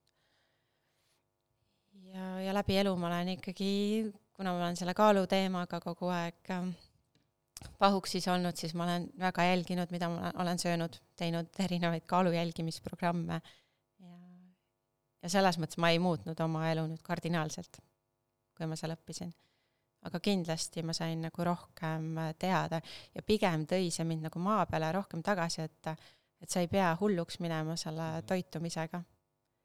et, et ole mõistlik. aga see kaalujutt, selleni kohe jõuame ka, aga räägime tervislikust toitumisest veel, et võib-olla ütle siis inimestele, oskad sa äkki soovitada, millest oleks mõistlik äkki loobuda või mida oleks mõistlik äh, vähem tarbida, vähem süüa või, või millele oleks mõistlik rohkem tähelepanu suunata, näiteks mingitele mikroasjadele või mingitele tõesti mingitele toiduainetele või nagu me mainisime, idususeni või midagi veel, et mida inimesed tegelikult üldse ei tarbi, aga mis on kõik kättesaadav ja tegelikult võiks olla kogu aeg esindatud kas või nagu mingites kogustes? no ma arvan, et peaks sööma rohkem taimset, kindlasti kohe, mida tänapäeval inimesed no nüüd üha rohkem järjest teevad aga, aga pigem ju ei sööda kodus juurvilju ja köögivilju nii palju, et, et sul on iga toidu kõrval salat näiteks. siis äh, igasugused valmistoidud tuleks ära jätta. valmistoitude all pead silmas näiteks need poolfabrikaadid. Need, mis lettides on juba saadaval. ja, ja need samamoodi, sest sa mhm. tegelikult ei tea, mis seal sees on. siis igasugused maiustused, ma ei ütle, et sa, sa pead nagu kõigest loobuma, aga ma arvan, et kakskümmend, kaheksakümmend printsiip mm -hmm. kehtib siin ka, et kui sa oled kaheksakümmend protsenti ajast ikkagi tervislik ja siis vahel lubad endale, ma ei tea, kooki või kommi, siis tegelikult midagi ei juhtu mm. -hmm. aga lihtsalt, et oleks jah, põhimõtteliselt vali poest toidud, kus ei ole, ma ei tea, üle kolme, nelja, viie koostisosa. Ja võimalikult vähe siis igasuguseid e-aineid mm. -hmm. Need on põhilised asjad ja võib-olla tasuks selgeks endale teha, et mis on valgud, rasvad ja süsivesikud. see e-ainete ja toidupoe etikettide jälgimine on midagi, mis meil tuli ka noh, mitu-mitu-mitu aastat tagasi Austraalias juba ellu, aga alguses tundus niisugune, et noh, et elu sees ei viitsi teha seda, aga nüüd täna on lihtsalt äh, ei võtagi uut toodet, enne kui sa, noh, kui sa pole varem tarbinud seda, eh, siis sa ei võtagi uut toodet enne, kui sa ei, ei lappa läbi silmadega, mis see etikett sisaldab, sest et teinekord on see, et noh, kirjeldatakse nagu, et ma ei tea, et äh, kõige klassikalisem minu meelest on hea näite, et siin me ei hakka ettevõtte nimesid mainima ega nimesid mainima, kelle omad need on, aga mingid kohupiimad või mingid jogurtid, kus on kirjas, et äh, null lisatud suhkruga, siis on tegelikult magusainetega, on ju, mis tihtipeale on tegelikult palju hullem kui valge suhkur ja tegelikult hoopis keemia. Et äh, hea, head nagu tüngad, aga kui inimene ei tea, siis inimene tegelikult mõtleb, et oo, null suhkrut, siin on suhkruvaba, on ju, magusainetega, ma siis söön seda, ma olen tervislikum, tegelikult hoopis teed endale karuteene võib-olla. et huvitav on olnud näha nagu, kuidas kui sa õpid seda toidumaailma tundma, siis äh, siis tegelikult on võimalik äh, läbi näha, et, et see silt võib öelda, et on tervislik ja, ja tore ja hea, mõnus, aga tegelikult sisu näitab ära, et tegelikult, et no natuke tuleb mõelda, võib-olla ikka päris ei ole see. Mind lihtsalt huvitab, miks see niimoodi on, et miks me ei või siis otse välja öelda, et ma ei mäleta, mis näide see mul oli siin, kus mul pähe tuli siin, aga, aga mingi aeg ongi see näide, et noh, et et null suhkruga, eks ole, aga, aga vot meil on siin magusaine, mis võib tekitada näiteks, ma ei tea, noh, ma ei tea, mis need asjad tekitada, aga või nagu ausalt välja öelda, mis seal sees tegelikult on, miks me paneme neid ülikeerulisi nimesid panema sinna, ütle välja, et see on kuradi mägrapeer või ma ei tea, mis seal pannakse sisse vahepeal. no näiteks ei panda e e-sid ette, sest inimesed jälgivad neid e-sid, aga sa kirjutad selle välja, siis see on tegelikult, tundub mm -hmm. nagu, et on okei okay. miks see tehakse niimoodi, kas see on nagu siis meie tarbijad loll, lollitamiseks või see no, on aga nagu ikka tahetakse müüa ju.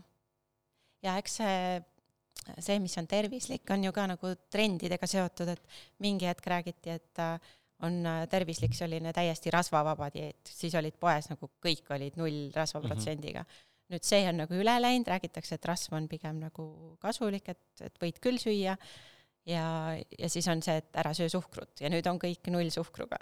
et, et eks see niimoodi niimoodi nagu käib praegu. mis järgmine trend on, null süsivesikut või null valgu, valguvaba? on ka täiesti Aa, teema, jaa. et kardetakse millegipärast.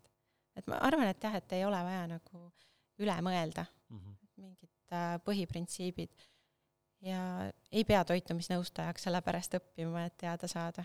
et piisab, ma arvan jah, mõnest konsultatsioonist, et saad põhitõed selgeks ja siis ei ole vaja ka jälgida erinevaid äh, toitumiskavasid mm. -hmm. sest äh, kui sa jälgid seda kava, siis sa tegelikult võib-olla ei saa aru, miks sa seda, miks sa üht või teist asja sööd ja teine asi, mis on kavade puhul, et et minu meelest on seal ikkagi liiga palju äh, valke ja rasvu. et ta tegelikult on, ta viib küll kaalu hästi kiiresti alla, aga pikemas plaanis ta ei ole tervislik. olen ise teinud läbi ühe väga, väga kehva kogemuse sellega, et ma jälgisin ühe, ühe sellise fitness äh, meesterahva kava mm, -hmm. Kus ma jälgisin äh, grammi pealt siis äh, oma süsivesikuid, rasvu, valke. eestlane? olge valmis, nime ei ütle, aga, aga, aga, aga olge, silmad lahti jaa, ja ma läksin tema juurde, mul tegelikult, mul ei olnud vaja kaalust alla võtta mm., reaalselt. ta ütles mulle, et viis kilo veel ja sa võid lava peale minna. ütlesin, et äh, ei, ma lihtsalt tahaks nagu kiiremini maratoni joosta ja et võtaks mõned äh, kilod alla mm. -hmm. ja siis ta tegi mulle selle kava ja ma keerasin oma tervise ikka nii tuksi nagu mingi viie-kuue nädalaga, et ma olin täiesti läbi omadega. ma tegin ju samal ajal päris intensiivset jooksutrenni. et ma käisin hommikul viis kolmkümmend jooksmas ja ülejäänud päeva ma olin siis seal arvuti ees tööl poolsurnud. keha käis ringi, jõudu ei olnud. ma taastusin sellest tegelikult päris kaua aega. ja siis ma sain aru, et, et mul ei ole päris okei okay selle toitumisega kui ma ikkagi, kui minu tuju hommikul sõltub sellest, mis see kaalunumber näitab, siis see ei ole okei okay. see on huvitav, et äh, mul on, mul hakkab see ära kaduma, aga minul meesterahvana ka mingi aeg oli see, et äh, kaalunumber ajas, ajas närvi ja, ja tekitas niisugust tunnet, et äh, nagu, et ma olen nii mõttetu inimene, noh et mida ma valesti teen, selles mõttes, et äh, ma ei tee nagu väga tugevalt täna trenni ka ja, ja siis ma olengi, ajan taga mingit kaalu ja tegelikult ma näen, et see kaalunumber ei ole mingi näitaja tegelikult sportlike soorituste juures otseselt. kuigi tihtipeale seda aetakse just taga, et siis ma saan selle kaalu, et siis ma nüüd olen omadega mingisuguses ähm, noh, tervislikkuse või mingi sportlikkuse tasemel, aga see ei mõõda ega ei näita meie nii-öelda nagu siis äh, seda nagu tulemust selles äh, soorituses, et kaal on lihtsalt mingi number, on ju, noh, ta mõjutab, aga ta ei näita seda, aga mulle tundub, et me inimestena navigeerime selle kaalunumbrist väga palju, et täna ma olen rohkem rahu teinud sellega ja, ja, ja see on mingi põhjusel kasvama hakanud, ilma et ma oleksin ise näeksin, et ma olen kuidagi läinud nagu paksemaks või kuidagi teistsugusemaks muutunud. lasid lahti? lasin lahti võib-olla rohkem jah, ja nüüd on, nüüd hakkas hakata pealegi varsti kolmekümnes eluaasta hakkab jooksma, küll siis hakkab kiiremini ja. tulema. jah, see on hea lohutus, onju, et kui nüüd trenni tegema ei hakka, siis kolmekümne üheselt või kaheselt on siis rasvamagu ees. et nii läheb, et siis ennustasid ära mulle, nüüd ma siis tean. et äh, jah. see tainevahetus läheb aeglasemaks. jah eks nad nii väidavad jah, ei taha üldse uskuda seda, aga eks see nii läheb. Ehm, aasta kaks tuhat kakskümmend tõi meile mm, pandeemia Covid-19, ehk siis äh, mind huvitab see, äh, kuidas see sind mõjutas ja kuidas see sind täna mõjutab, kuna see veel möödas ei ole. Ehm, sest sa avasid, avasid vahetult enne seda või? novembris avasin nüüd teise koha, kui sa mõtled seda. E-, esimest? esimese, esimese aasta tekkisid aasta, aasta enne vist või natuke rohkem või? augustis kaks tuhat üheksateist ja Covid tuli meil aasta kaks tuhat kakskümmend kevad või? jah. no mingi pool, ütleme nagu seitse-kaheksa kuud hiljem, on ju. Et kuidas ta nagu sind mõjutanud on täna ja kuidas selle teise, kuidas esimesest, esimest äh, kohta siis seda algset äh, popi äh, mõjutanud on ja nüüd sa tegid ka juurde siis äh, Hortesesse avanes teha võimalus juurde teine, kuidas see mõjutanud on seda tänane situatsioon, sinu kohvikuid ja räägi natuke sellest poole pealt, et kuidas, kuidas sa sellega toime tuled? mida oskad soovitada teistele inimestele, kes on ka võib-olla, mine tea, äh, väikeste poodide, kohvikute omanikud, et kuidas tulla päriselt toime? no kevadel oli, oli väga mõnus selles mõttes, et äh, me olime vähem lahti äh,. me käisime kõik ainult kuus tundi päevas tööl, sest äh, toetuse saamiseks oli vaja ju vähendada töökoormust. see oli üks äh, sellest kriteeriumitest siis, mida, mida sai toetuse jaoks teha, et mm, selline mõnus puhkamise aeg oli. ja ma ju viisin kuus päeva nädalas töötajad tööle ja tõin koju.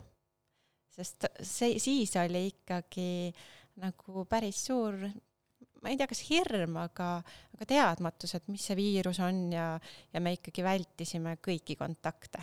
meil oli väga hea turvaline töötada seal koos, me kuskil ei käinud, me tellisime enamus siis toit toitu ka sinna, ma ise ei käinud vist, ma ei tea, peaaegu kolm kuud vist üldse poes, mitte kordagi. tellisin lihtsalt kõik kauba endale kohvikusse. Ja aega oli rohkem perega olla. ja tegelikult rahalises mõttes oli meil isegi nagu parem ja eriti pikemas perspektiivis äh, me oleme saanud päris palju uusi kliente tänu sellele ajale, sest Woldi tellimuste arv nii palju tõusis ja üha enam siis inimesi leidis meid tegelikult tänu sellele mm. -hmm. ja täna on äh, tegelikult samamoodi. Woldi tellimuste arv on ka praktiliselt kahekordne tänasel päeval. aga uue kohaga loomulikult on raske, sest äh, seda ei teata. ja, ja Horteses inimesi käib vähe, lihtsalt kõnnivad tuima näoga mööda sest äh, nagunii koha peal istuda ei saa. kui me avasime, siis ikkagi inimesed kohvitasid, jõid, jõid kohvi ja sõid kooki. Aga praegu seda nagu ei ole see tundub, et selle valiku, äh, ütleme, teise koha avamisega või teise poe avamisega või kohviku avamisega see koha, asukoha valik on ülimalt oluline ja tundub, et Hortes on selline koht, kus kevadel ja suvel on möll, eks ole, on ju, pigem, kuna ta on seotud aianduskaupade ja lillede teemadega, siis ja, ja tundub, et äh, sa mainisid ka, et inimesed joovad kohvi, teed ja, ja söövad kooki, et seal vist väga nagu niisugust nagu sööki, sööki nagu ei tehta, nii nagu tehakse praegu sul siin Komeedis. Ei tehakse ikka. no mõt-, noh, te teete selles mõttes, aga inimesed nagu ei tule sinna otseselt nagu einestama. jah, ma arvan, et nad ei tea ka mm, -hmm. sest tegelikult ettevõtteid seal ümber on ju väga palju. ma olen mõelnud küll äh, rohkem nüüd hakata reklaami tegema. isegi tegin sellist otsepostitust eelmine nädal. miinus kümme flaierit, kui keegi leiab oma postkastist, siis teab, et see olin mina. väga äge. tegelikult seal on ju inimesed äh, ümber ka, kes on äh, hunnikutes elavad tegelikult ju suht lähedal. jaa. muidugi muserdav oli see, et hakkad seda flaierit sinna postkasti panema ja siis näed silti, et ei soovi reklaami mm. -hmm. aga noh, mina nii sõnakuulelik inimene, et ma siis ei pane. aga samas see ei olegi otseselt reklaam, see on isegi juba ju tegelikult väärtuse andmine, sa annad neile eh, midagi nagu vastu, mitte ainult, et tulge sööma, vaid palun, siin on ka väike sodukas onju. noh, ma olen ikkagi viisakas. nojah okei okay,, aga mida on eh, see koroonaperiood sulle endale, tähendab sinu enda ja ettevõtluse kohta õpetanud, on sul äkki mingid taipamised tekkinud siin selle aja jooksul, et äh, mida, mida nagu, millele varem polnud mõelnud või millele varem polnud tähelepanu nii palju suunanud? ma arvan, et äh, esiteks, et ei tasu muretseda. et ei tasu muretseda nende asjade pärast äh,, mida sa muuta ei saa. ja ei tasu muretseda nende asjade pärast ka, mida sa muuta saad, sest siis sa saad neid ju muuta. et nii on äh, palju lihtsam elada. et ma pigem nagu usaldan hästi palju elu ja läheb nii, kuidas läheb. et eks ma teen äh, jooksvalt otsuseid selle järgi, mis toimub. ja muidugi seda näitas elu ka, et kõik võib äh, muutuda tegelikult hetkega mm. -hmm. et ettevõtted äh,, kellel läks nagu väga hästi, päevapealt kukkusid kõik müügid ära. See on äh, kurb, äh, kurb tegelikult kuulda ja ma kujutan ette, kui valus see on inimestele, kellel on enda ettevõtted, kellele see juhtus, on ju, ja, ja mind ennast äh, paneb kõige rohkem hämmastama see, mis mul tekkis siin eelmise mm,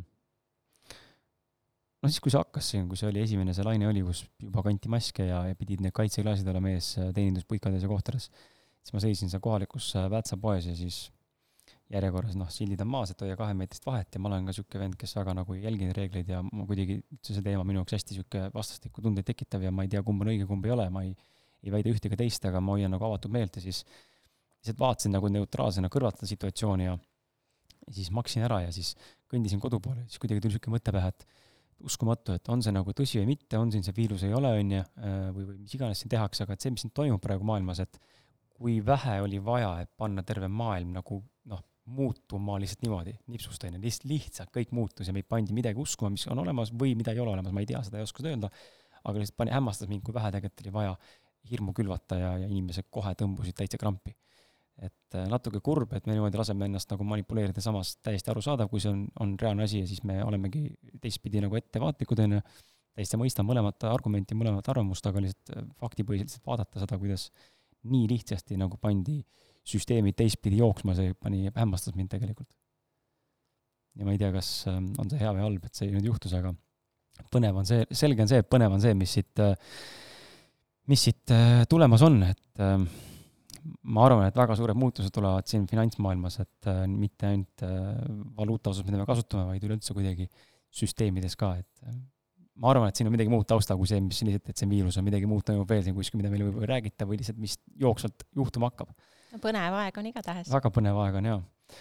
Ehm, mis kõige hämmastavam minu meelest on, ma olen inimestega rääkinud ka sellest, et kuidas see Covid inimsuhteid mõjutab, et kui täna siin vaadata ühiskonnas ringi, siis see on nagu nii hea, selles mõttes äh, Äh, selline, kuidas öelda, ühiskonna kihistumine või kihistamise tekitamise, tekitamise olemus, et on need, kes kannavad maski, on need, kes ei kanna maski nii-öelda või, või mis iganes veel, et see, see duaalsus ja polaarsus on tekitanud nii suureks, et siin tekivadki sellised vastuolulised nagu liikumised, on ju, et et üksteist vaadatakse viltu niimoodi ja umbes, et ma ei julge lähedale tulla ja ma ei tule sulle lähedale, lähedale sellepärast, sul on mask umbes peas ja ma ei tule sellepärast, sul ei ole maski ja ja kuidagi nagu inimeste suhetes tegelikult kandub see ka üle, mis on tegelikult väga kurb, sest mulle tundub, et siin on hakanud tekkima, endalgi on hakanud tekkima mingi aeg niisugused nagu eelarvamused umbes inimese kohta, vaata, vaatad otsa, et mhm, ahah, okei okay,, nii jah mm. -hmm. juba tead eos ette umbes, mis standardite järgi inimene on ja siis keegi vaatab sind samamoodi ja siis tunned end umbes, noh, kuidagi tundub, et see on ühiskondlikusse suhtlemisse sisse, sisse juurdunud ka vaikselt.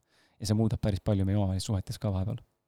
Ilmselt küll, õnneks ei ole väga palju tunnetanud hetkel. jumal tänatud, ma ka veel ei ole õnneks väga palju, aga natuke on nagu tunda seda ähm, tööalane küsimus äh, või noh, kollektiivipõhine küsimus, mis tegelikult oleks võinud minna ka eelmisest, äh, eelmistesse küsimustesse, kus me rääkisime töötajatest, aga lühidalt ja, ja korrektselt ja, ja nii-öelda siis äh, pauguta.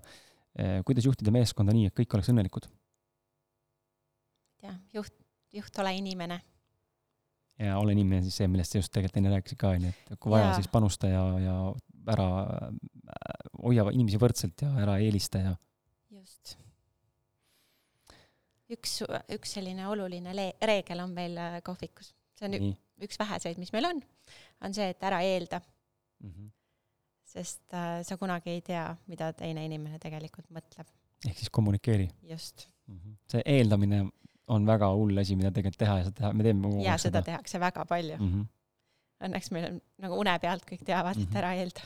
ma arvan, sa võtsid välja selle ahjust, siis see on mingi must süsikana juba või no just et ja jah, see on, see on huvitav jah, meil on see, kipub tulema see, aga see on ilmselt seotud kuidagi, ma arvan, vastutuse äraandmisega või nagu võib-olla, või nagu ta-, sooviga usaldada rohkem või ma ei kujuta ette, mis seal on, et et noh, ta ju tegeles, et ju ta tegeleb lõpuni sellega, et kindlasti ta on kohusetundlik. mugavam on ju ka. jah.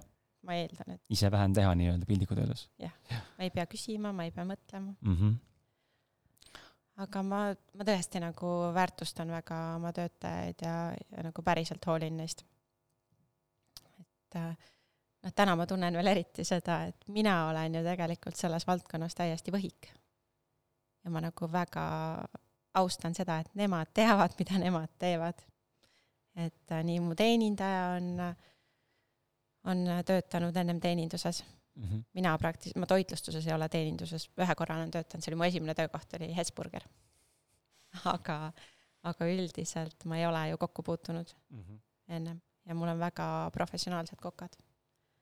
aga kuidas sa valid siis reaalselt kokka näiteks, kui sul endal puudub, no okei okay,, sa oled toitmisnõustaja, oled ise kokanud ka, aga oletame, no kuidas sa valid endale inimest, kui sa ei tea selle valdkonna tegelikult kõiki nüansse, detaile, kuidas sa tead, et ta on pädev, ta võib sulle rääkidagi asju, mis ta teeb ja mida ta ei tee, aga mul tegelikult vist vedas väga oma esimese töötajaga. ta oligi, mul oligi ainult kaks varianti. teine on tema sõbranna, kes töötab ka nüüd meie juures mm. -hmm aga siis äh, meil tekkis nagu kohe väga hea klapp.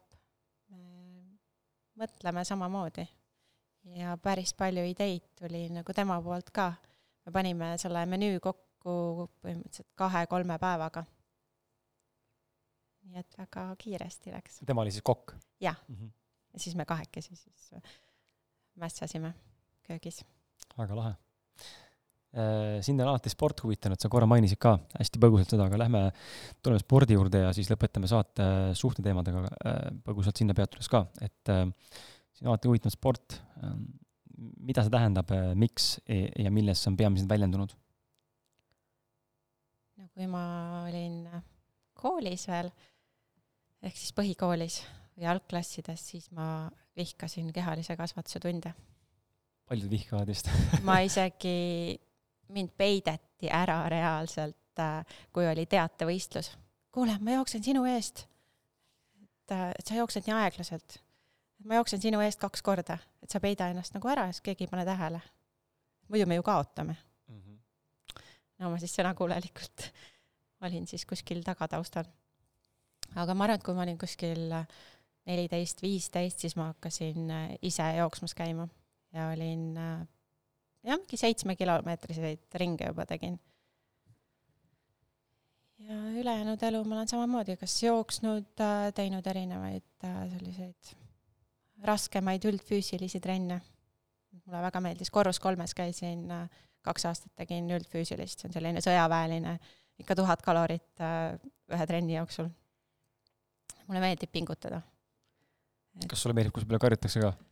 ei meeldi. trenni mõttes ei meeldi, aga treenerid on seda küll märganud, et mm, -hmm. et sa ikka alati pingutad nagu täiega. ja jooksmisega samamoodi mulle meeldib jah, maratone joosta. Eriti kuskil välismaal, siis on nagu eriti põnev. huvitav, mis on see, mis teeb maratonide jooksmise inimeste jaoks nii huvitavaks, sest ma ise jälestan jooksmist, kuigi ma olen teinud käsipalli kümme aastat, kus kogu aeg jooksed, aga lihtsalt ei meeldi üldse. ei tea, see on kuidagi selline rahustav tegevus, mõtled oma mõtteid ja mul kuidagi peale seitsmendat kilomeetrit läheb mõnusaks alles. aga jalad on ju väsinud, kuidas sa saad rahu, kuidas sa saad rahustav olla võhmal oled ju. ei ole, kuidagi meeldib. Jooksmine on väga populaarseks ju muutunud ja, ja absoluutselt. ja millal sul, kui kaks tuhat kuusteist aastal oli esimene maraton, jah mm? -hmm. kuidas see läks? väga hästi. või, või võitsid? ei, enamus äh, harrastusmaratonarite äh, unistus on ju alla nelja tunni joosta mm. -hmm. ja kolm viiskümmend viis oli esimene. väga tubli. jah ja millal järgmine äh, debüüt on siis äh, ultramaratonil või, või triatlon või, või mingi muu Ironman või äh,? no ma ei tea, ma pigem olen praegu teinud äh, oma lõbuks. aga ma olen teinud kahekümne nelja tunniseid äh, seiklusspordivõistlusi ja kaheksatunniseid mm -hmm. rogaine ja triatloni klubis käisin äh, ühe hooaja. see oli täpselt see periood, kus ma äh, tegin asju, mis paberi peal olid väga ilusad. mulle meeldis öelda, et ma töötan Telias ja siis ma olen seal triatloni klubis käinud trennis ja kõik oli nagu väga ilus. Ja mulle tegelikult ju ei meeldinud kumbki. ja siis ma otsustasin loobuda mõlemast sellel ajal. huvitav on seda jooksmise juttu ja maratoni juttu alati kuulata, sest et Timo Porval on rääkinud sellest ja siis Joel Juht, kes on ka täitsa segane jooksja, on siin sel ju polaarmaratonil käinud ka vist ainsa eestlasena, kui ma ei eksi, või, või, või üks vähestest, kes on käinud seal, et ähm, huvitav on kuulata nüüd ka sinult seda, et see maratoni jooksmine ikkagi ja, ja jooksmine on niisugune asi, mis inimestele pakub rahu, nagu sa ütlesid, et niisugune rahu on. jah, aga praegu ma teengi seda täpselt nii, et kui tuju tuleb mm, -hmm. ei ole sellist sundimist enam. varem oli nii, et nui neljaks sa pead minema mm, -hmm. hommikul kell viis kolmkümmend tõused üles, lähed mm. -hmm. et siis praegu ma pigem kuulan ennast, oma keha ja tuleme viimase küsimuse juurde ähm,. Oled oma mehega olnud koos umbes kolmteist aastat, võib-olla on siis neljateistkümnest tiksumas juba, kui me õigesti arutame, ma ei tea. mida on sulle see pikk suhe õpetanud ja mis on see teie saladus, mis on teid koos hoidnud, milliseid nippe ja ideid oskad soovitada, et suhe püsiks ja oleks eluterve lapsevanematena ja partneritena? no me kohtusime, kui mina olin kakskümmend kaks, tema oli kakskümmend seitse, üsna noored me oleme kindlasti hästi palju arenenud selle jooksul. Ja ma arvan, et see, see on meid äh, koos hoidnud, et me oleme koos kasvanud mm -hmm. ja meil on olnud ühised äh, huvid või ühine teekond. kui mina hakkasin, avastasin, et, et tahaks rohkem sporti teha, siis äh, tema tuli sellega kaasa. kui, kui nüüd ma olen nagu rohkem vaimsete teemadega tegelenud, siis tema hu huvitub, ma ei tea, pani meid sinna meditatsiooni laagrisse kirja näiteks või siis käisime äh, Saaremaa hingefestivalil nüüd suvel. ja, ja ta on mind hästi palju toetanud kogu minu teekonnal.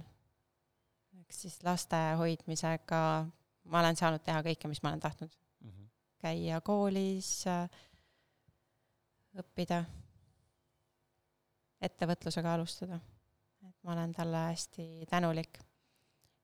Ja see, et suhe püsiks, ma arvan, tuleb kõigepealt äh, ise olla õnnelik või oma vajadused katta. see on umbes nagu, kui lennukis on vaja, kõigepealt paned ju hapnikumaski endale ja siis, siis saad nagu abivajajat aidata, et kõigepealt siis sa hoolitsed enda vajaduste eest, äh, siis oma suhte eest ja, ja lapsed tegelikult on alles kolmandal kohal, sest ta lapsed kasvavad kiiresti suureks. Ja mis me siis teeme, kui nad kodust ära lähevad? kui meie oleme omavahel kontakti kaotanud, siis, siis, siis meil ei ole enam äh, põhjust koos olla mm. -hmm. et sellepärast tuleb suhtega vaeva, ma ei, ma ei taha öelda vaeva näha, aga no tööd tuleb teha ja panustada. jah, üksteise, üksteisele tähelepanu pöörata. me oleme alati teinud selliseid kahekesi väljasõite või, või mõne reisi, reisi, et me äh, tuleb üksteise jaoks aega leida. See on äh, lahe minu meelest, et sa siinkohal äh, rõhutad seda, et see koos kasvamine ja koos ühiste asjade tegemine on see, mis on sinu meelest üks võtmetest, mis aitab siis suhet hoida ja, ja jätkata ja, ja arengut suunata ja ma ise olen sama meelt ja on huvitav lihtsalt näha väga palju äh, saadete jooksul siin ja inimestega suheldes ka väljaspool saadet siis tuttavate sõpradega, kuidas inimesed on pigem arvamusel, et võiks olla nagu erinevad. aga mulle siin alati on tundunud see, kui me liigume liiga erinevas suunas, liiga erinevas seltskonnas, siis saavadki tekkida äh, erinevad arusaamised ja erinev maailma kasvamine ja ja erinev nii-öelda võib-olla ka mine tea, mingi uus suhe, on ju, sealt, kes panustab rohkem sinu valdkonda ja vastupidi ka, aga see ei tähenda nüüd, me peame klammerdunud üksteise küljes olema, aga just nimelt, et koos asju tehes jah, aga lihtsalt kokkupuutepunkte peab olema. aeg. väga lihtne on minna oma asju tegema. oma töö, oma trennid, et siis jääbki ainult äh, laste kasvatamine, ja söögi tegemine. just, Mhm. et see, see tegelikult ju ei liida. et me oleme koos käinud igal pool võistlustel näiteks äh, rogainimas ka. väga äge. Tiia, mis on su viimased sõnad? mis sa tahaksid öelda veel, mida täna ei öelnud, mida ma ei küsinud, millele ei osanud ma tähelepanu suunata? mis sa tahaksid meie headele kuulajatele öelda ja, ja mis on su lõpusõnad? tulge ikka kohvikusse külla. äkki järgmine nädal juba saab, see on siis äh, täna on reede meil, kui me selle saa-, välja tulime sellega nüüd, siis täna on meil äh, seitsmeteistkümnes on reede vist jah, ei viieteistkümnes. ehk siis äh, jah, ka alates kaheksateistkümnendast, et siis jah, äkki, äkki on siis juba nüüd võimalik külastada ja. kui ei saa, siis äh, tellige, helistage, kirjutage. hea meelega võtame vastu. väga hea. kus me sind jälgida saame, on sul mingid, tahad sa midagi reklaamida, on see koht, kus saad ennast reklaamida ka Pop Kui sa Kohvik on äh, Facebookis olemas, uh? -huh. Instagramis äh, ja koduleht on meil ka, pop.ee, just. okei okay.. ja enne kui me purki paneme, siis äh, mul on sulle paar kingitust ka, nagu ikka, kui sa oled äh,, oled harjunud kuulama, siis sa tead, et tavaliselt me midagi anname. meil on sulle kott, ma ei tea, kas sul on see kott olemas, ei ole? on, siis äh, ma just korra mõtlesin, kas sul on või ei ole, aga siis saad selle kellegi edasi anda. et ma annan sulle ühe selle ausad meeste logoga riidest koti hops äh, Aitäh. kõrvale. mul on sulle sihuke plaat, ma ei tea, seda sul äkki ei ole? ei ole, Helin-Mari Arderi äh, uus, uus, ma ei tea, kui uus ta on, aga ta on vist sel aastal ilmunud äh,, album nimega Must, siin on ka tema äh, isiklik pühendus sulle siia sisse pandud, küll mitte nimeline, aga, aga siiski äh, väike džässialbum. Ähm,. ja, ja ühtlasi mul on sulle raamat, ma ei tea, kas sul olemas on see raamat Million Mindseti mõtlemist muutes rikkaks naistele, ei ole. väga hea, mul on päris palju nende raamatuid, väga hea. siis äh, see raamat on ka sulle siit äh, meie poolt kingituseks, nii et äh, koos siis järjehoidjaga ja, ja egas midagi, ilusat äh, lugemist sulle selle eest ja, ja aps, aitäh, et sa aitäh. saatesse tulid. aitäh sulle kutsumast. ja, ja mina tänan sind, hea kuulaja, et sa vastu pidasid need äh, poolteist tundi siin. Ja kui see saade sulle meeldis, siis äh, nagu ikka, saade on meil täna tasuta, enam tasuline ei ole, siis ainuke teenus, mis ma sealt küsin või hind, mis saatel on, on see, et jaga seda saadet vähemalt ühe enda uue kuulajaga, ühe sõbraga, ühe sõb- sõbrannaga, kellega iganes tuttavaga. too ehk siis too üks uus kuulaja, niimoodi saan mina kasvada suuremaks oma sõnumitega ja saadetega ja külaliste sõnumid jõuavad äh, rohkemate kuulajateni ja rohkem ma sinult ei palu. jaga seda saadet lihtsalt tuimalt enda Facebooki seinal, Instagramis, igal pool mujal ka, et see on üks klikk ja see on tehtud ja rohkem ma sult ei nõua. Ja sinuga kohtume juba järgmises saates. Ja, ja ega siis midagi rohkem, rohkem ei olegi sul midagi öelda, ole tubli ja äh, jah, tšau-tšau